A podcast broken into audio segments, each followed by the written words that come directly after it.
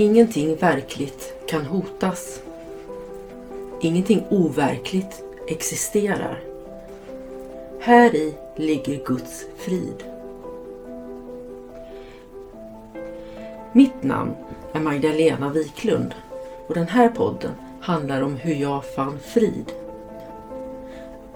Allting har sin grund i Helen Schuckmans uppenbarelser då Jesus dikterade det som sedan skulle bli boken En kurs i mirakler för henne.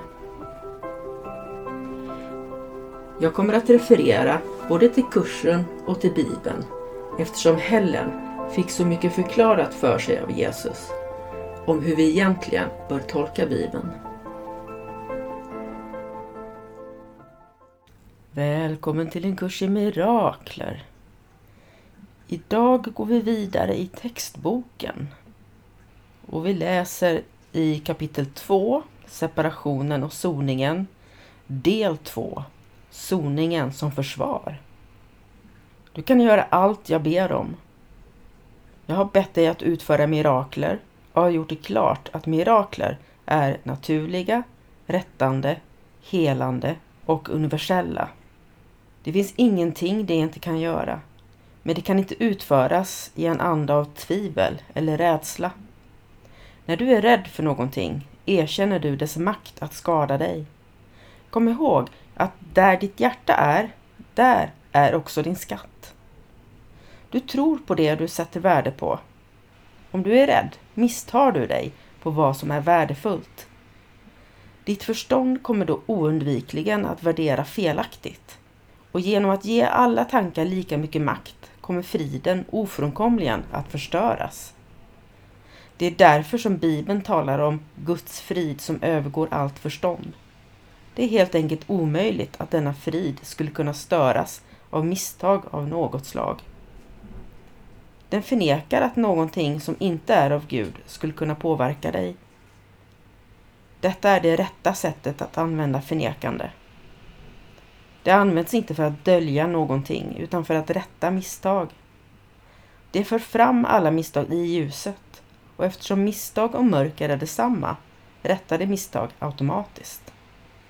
Så det här stycket lovar att vi kan göra allt som Jesus ber om. Det påminner oss om vad ett mirakel är för någonting, själva grundprincipen, att det är naturliga, rättande, helande och universella. Vi behöver inte anstränga oss för att det ska hända utan det sker helt naturligt. Det rättar våra misstag, det helar oss och vem som helst av oss kan göra mirakler.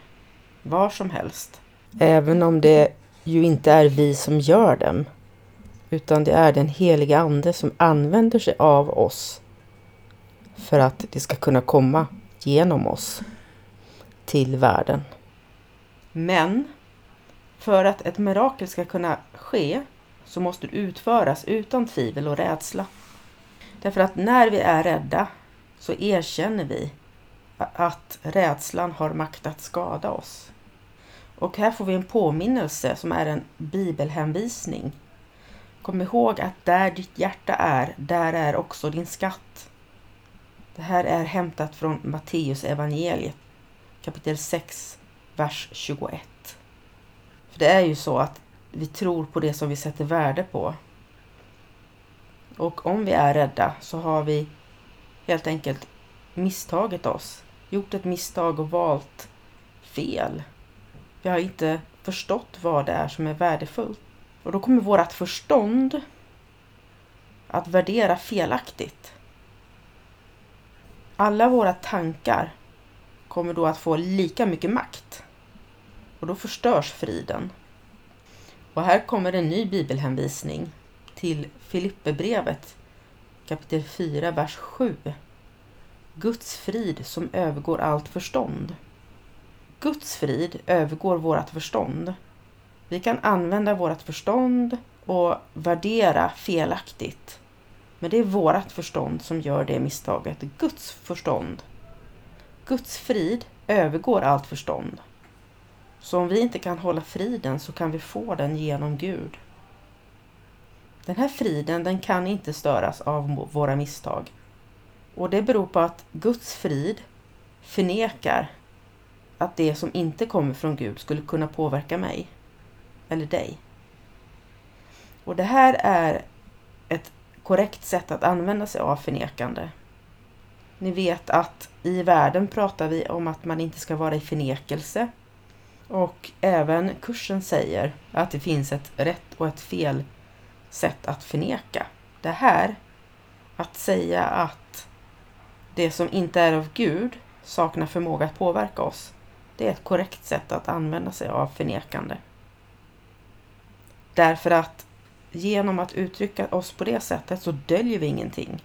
Utan vi rättar våra misstag. Vi säger att vi kan begå misstag men att de inte kan komma åt oss på något sätt. Utan misstagen kommer istället fram i ljuset. Och eftersom misstag och mörker är samma sak så rättas det, det vill säga det försvinner helt automatiskt. Sant förnekande är ett mäktigt skyddsredskap du kan och bör förneka all övertygelse om att misstag kan skada dig. Detta slags förnekande är inte att dölja utan att rätta. Ditt rätta sinne beror på det. Att förneka misstag är ett starkt försvar för sanningen. Men att förneka sanningen leder till felskapelse, egots projektioner. I det rätta sinnets tjänst befrias sinnet genom att misstaget förnekas och viljans frihet återupprättas. När viljan verkligen är fri kan den inte felskapa eftersom den endast erkänner sanningen. Och Det här är egentligen ett förtydligande av det som jag redan sa i första stycket. Att vi förnekar sant, det vill säga på ett korrekt sätt. Och då skyddar vi oss. Vi skyddar oss mot våra illusioner. Och det här är ett förnekande vi bör använda oss av. Det är ett starkt försvar för sanningen. Så att vi bjuder in sanningen i vårt sinne. Och på det sättet så befrias våra sinnen. Och våran vilja, som också är Guds vilja, återupprättas. Viljans frihet. Och då kan vi inte felskapa, vi kan inte skapa illusioner, vi kan inte göra illusioner. Du kan försvara såväl sanningen som misstag.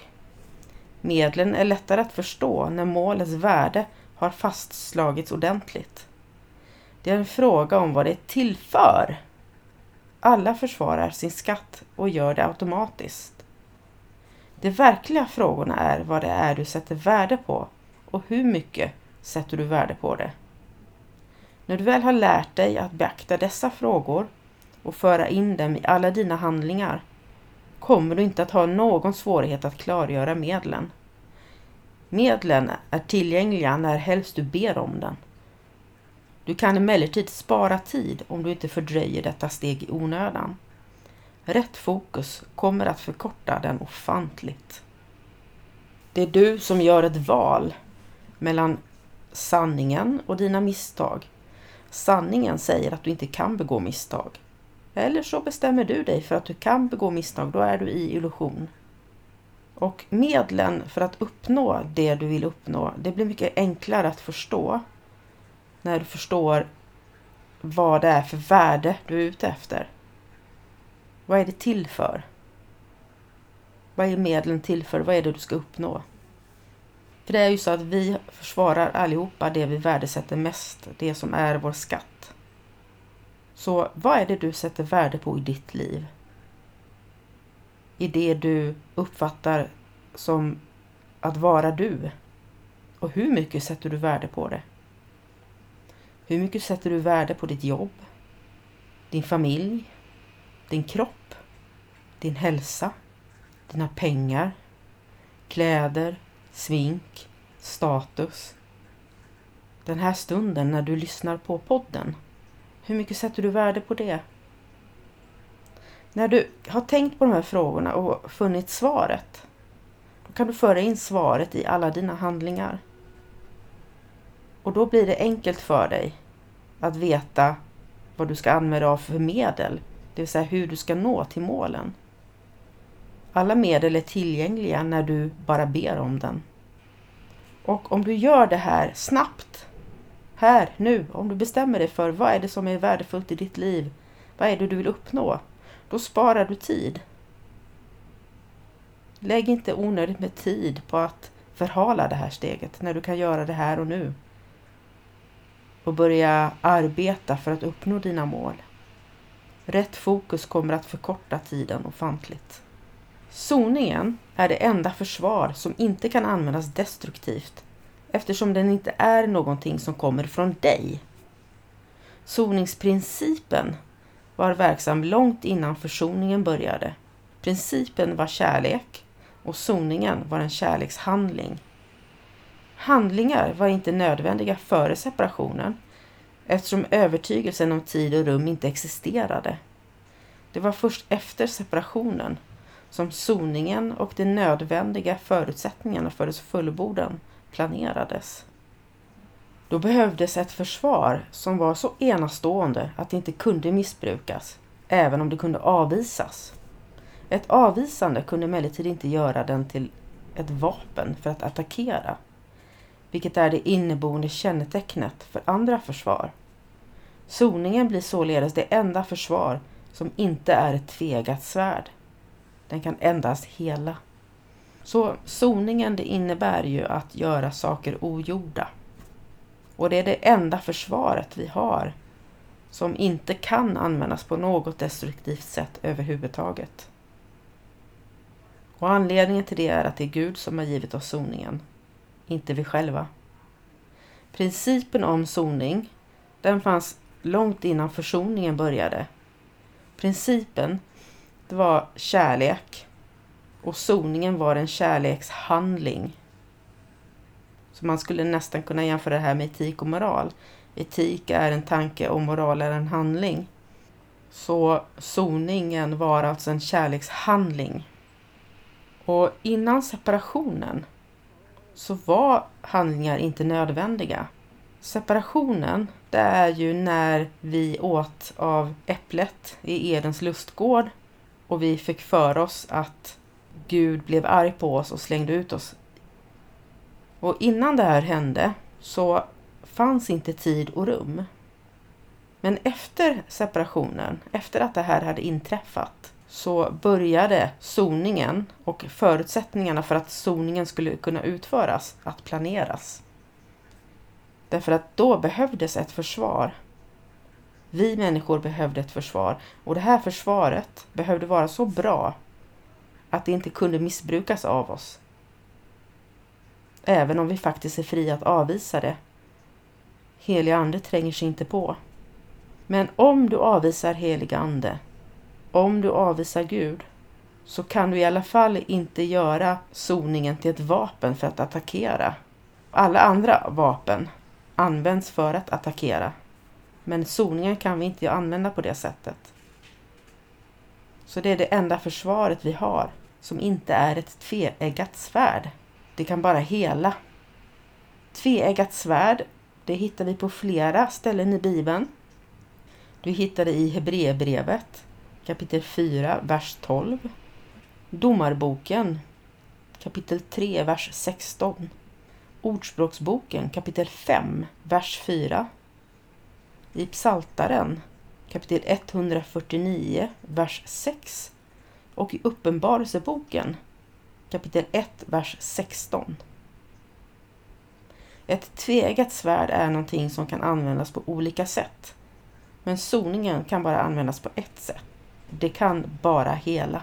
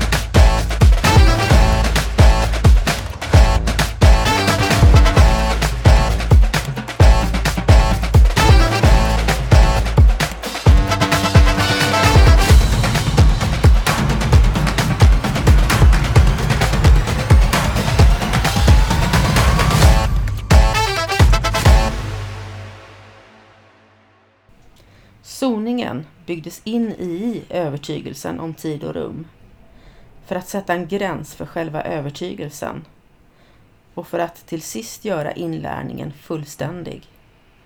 Soningen är den sista lektionen. Själva inlärningen, liksom klassrummen där den äger rum, är tillfällig. Förmågan att lära sig har inget värde när en förändring inte längre är nödvändig. Det evigt skapande har ingenting att lära. Du kan lära dig att förbättra dina varseblivningar och kan bli en allt bättre elev. Detta kommer att föra dig in i en allt större samklang med sonskapet. Men själva sonskapet är en fullkomlig skapelse. Och fullkomlighet är inte en fråga om grader. Endast så länge det finns en övertygelse om skillnader är inlärningen meningsfull.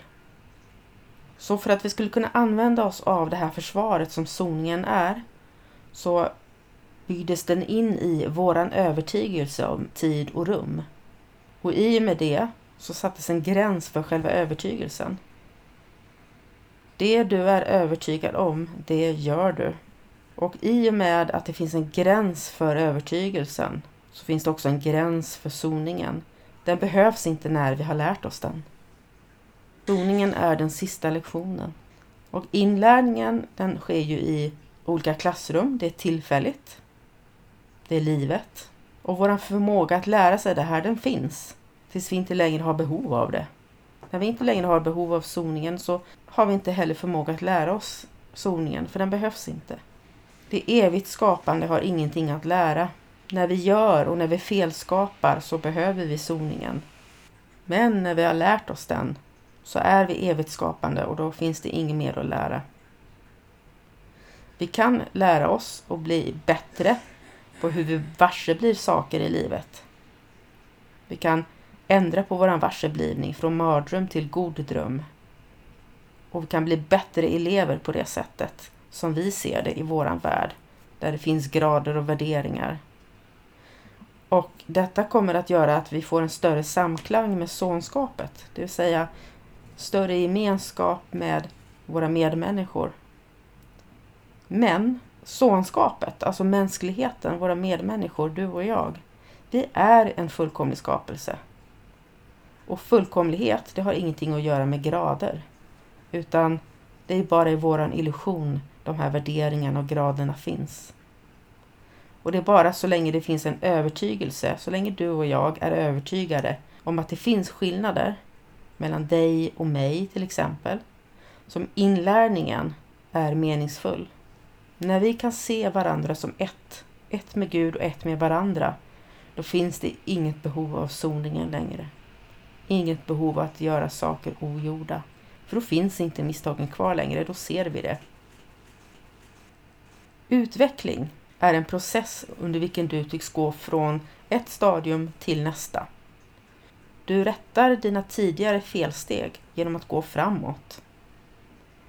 Denna process är faktiskt obegriplig i tidstermer eftersom du vänder tillbaka medan du går framåt.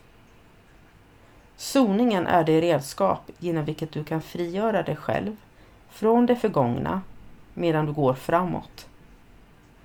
Den gör dina tidigare fel ogjorda och gör det således onödigt för dig att ständigt gå tillbaka utan att komma närmare din återkomst. I den bemärkelsen sparar zoningen tid, men liksom miraklet den tjänar avskaffar den inte tiden. Så länge det finns behov av zoning finns det behov av tid. Men zoningen som en fullständig plan har ett unikt förhållande till tiden. Innan zoningen är fullständig kommer dess olika faser att fortsätta i tiden men hela soningen står vid tidens ände. Vid den punkten har återkomstens bro blivit byggd. Så här pratar vi egentligen om basala inlärningsprocesser, att utveckling är en process där vi går framåt och jag tror att alla vi som har gått i skolan kan känna igen det. Vi går från ett skede till nästa, från en årskurs till nästa och så vidare. Men här säger kursen också att vi rättar våra felsteg genom att gå framåt. Tänk dig att du räknar fel i årskurs 1. i årskurs 2 räknar du rätt istället. Och här säger kursen att den här processen är helt obegriplig i tidstermer. Därför att du vänder tillbaka medan du går framåt. Du går tillbaka till det här misstaget som du gjorde tidigare. Och så gör du rätt. Och då har ju misstaget aldrig hänt. Och då kan du verkligen gå framåt sen. Och redskapet som frigör vårt förflutna där vi har gjort våra misstag, det är soningen. Vi frigör våra misstag som vi har gjort tidigare i det förgångna och så går vi framåt i livet. Och då blir det onödigt för oss att alltid hålla på att gå tillbaka utan att komma någon vart. Det blir onödigt för, för oss att älta skulle jag vilja säga. Och det betyder att soningen sparar tid.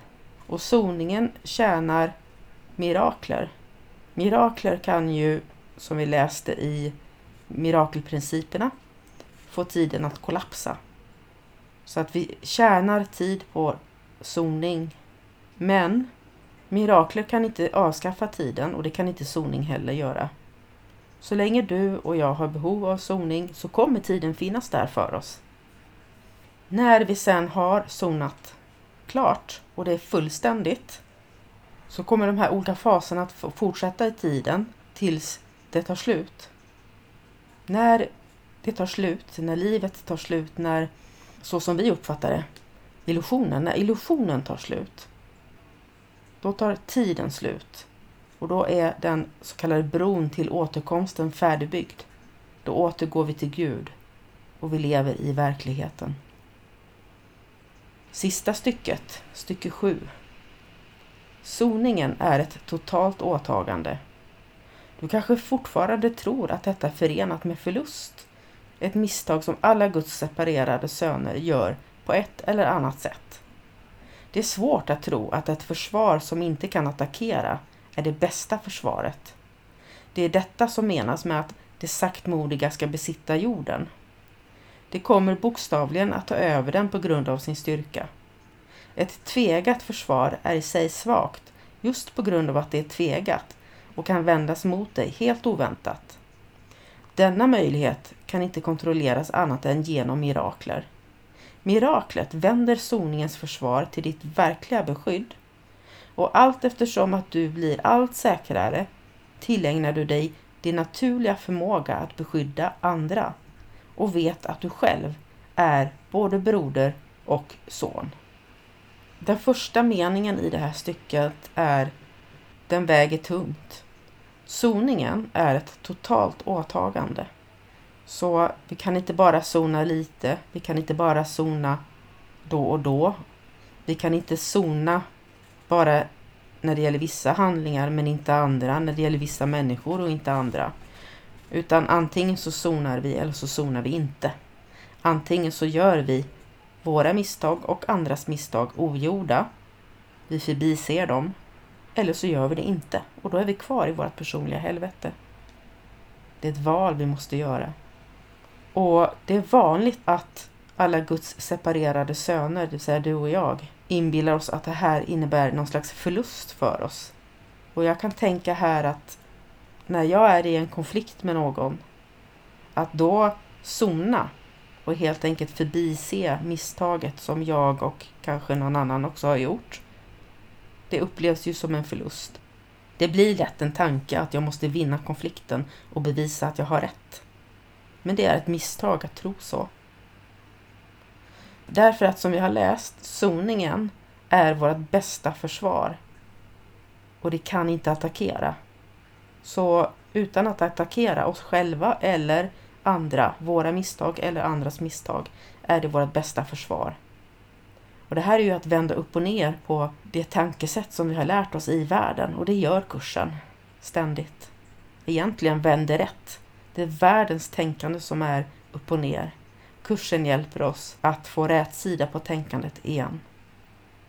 Och här kommer sedan en bibelhänvisning igen. Det saktmodiga ska besitta jorden. Det hittar du i Matteus evangeliet kapitel 5, vers 5. Det saktmodiga ska besitta jorden. Det kommer bokstavligen att ta över den på grund av sin styrka. Det saktmodiga, det som inte kan ta beslut, det som är långsamma. Det är de som besitter jorden, illusionen. En illusion kan vara oerhört stark, det vet du också. För du tror att du lever i den här världen. Du tror att du har en kropp och du tror att du har ett jobb, en familj och allt vad du nu har i ditt liv. Och det är därför, på, den, på grund av den här styrkan i illusionen, som du kommer att besitta jorden.